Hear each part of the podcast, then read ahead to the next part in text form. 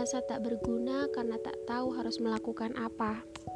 Tidak berani membayangkan masa depan karena sudah kuprediksi suram. Juga sadar bahwa aku tak memiliki potensi apa-apa untuk dikembangkan, apalagi dibanggakan. Kemudian aku bertanya pada diriku sendiri, mau sampai kapan aku begini?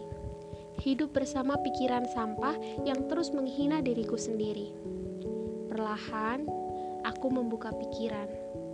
Ternyata bukan dunia yang tak berpihak padaku, bukan aku yang tak bisa apa-apa, dan bukan aku yang tak berguna, tapi pikiranku yang terlalu luas pada dunia yang sementara. Dan pelan-pelan aku menyederhanakan dunia di pikiranku. Tak semua orang harus menjadi dokter, harus menjadi pilot atau astronot. Cukup lakukan suatu hal yang baik, konsisten, dan sebar kebermanfaatan.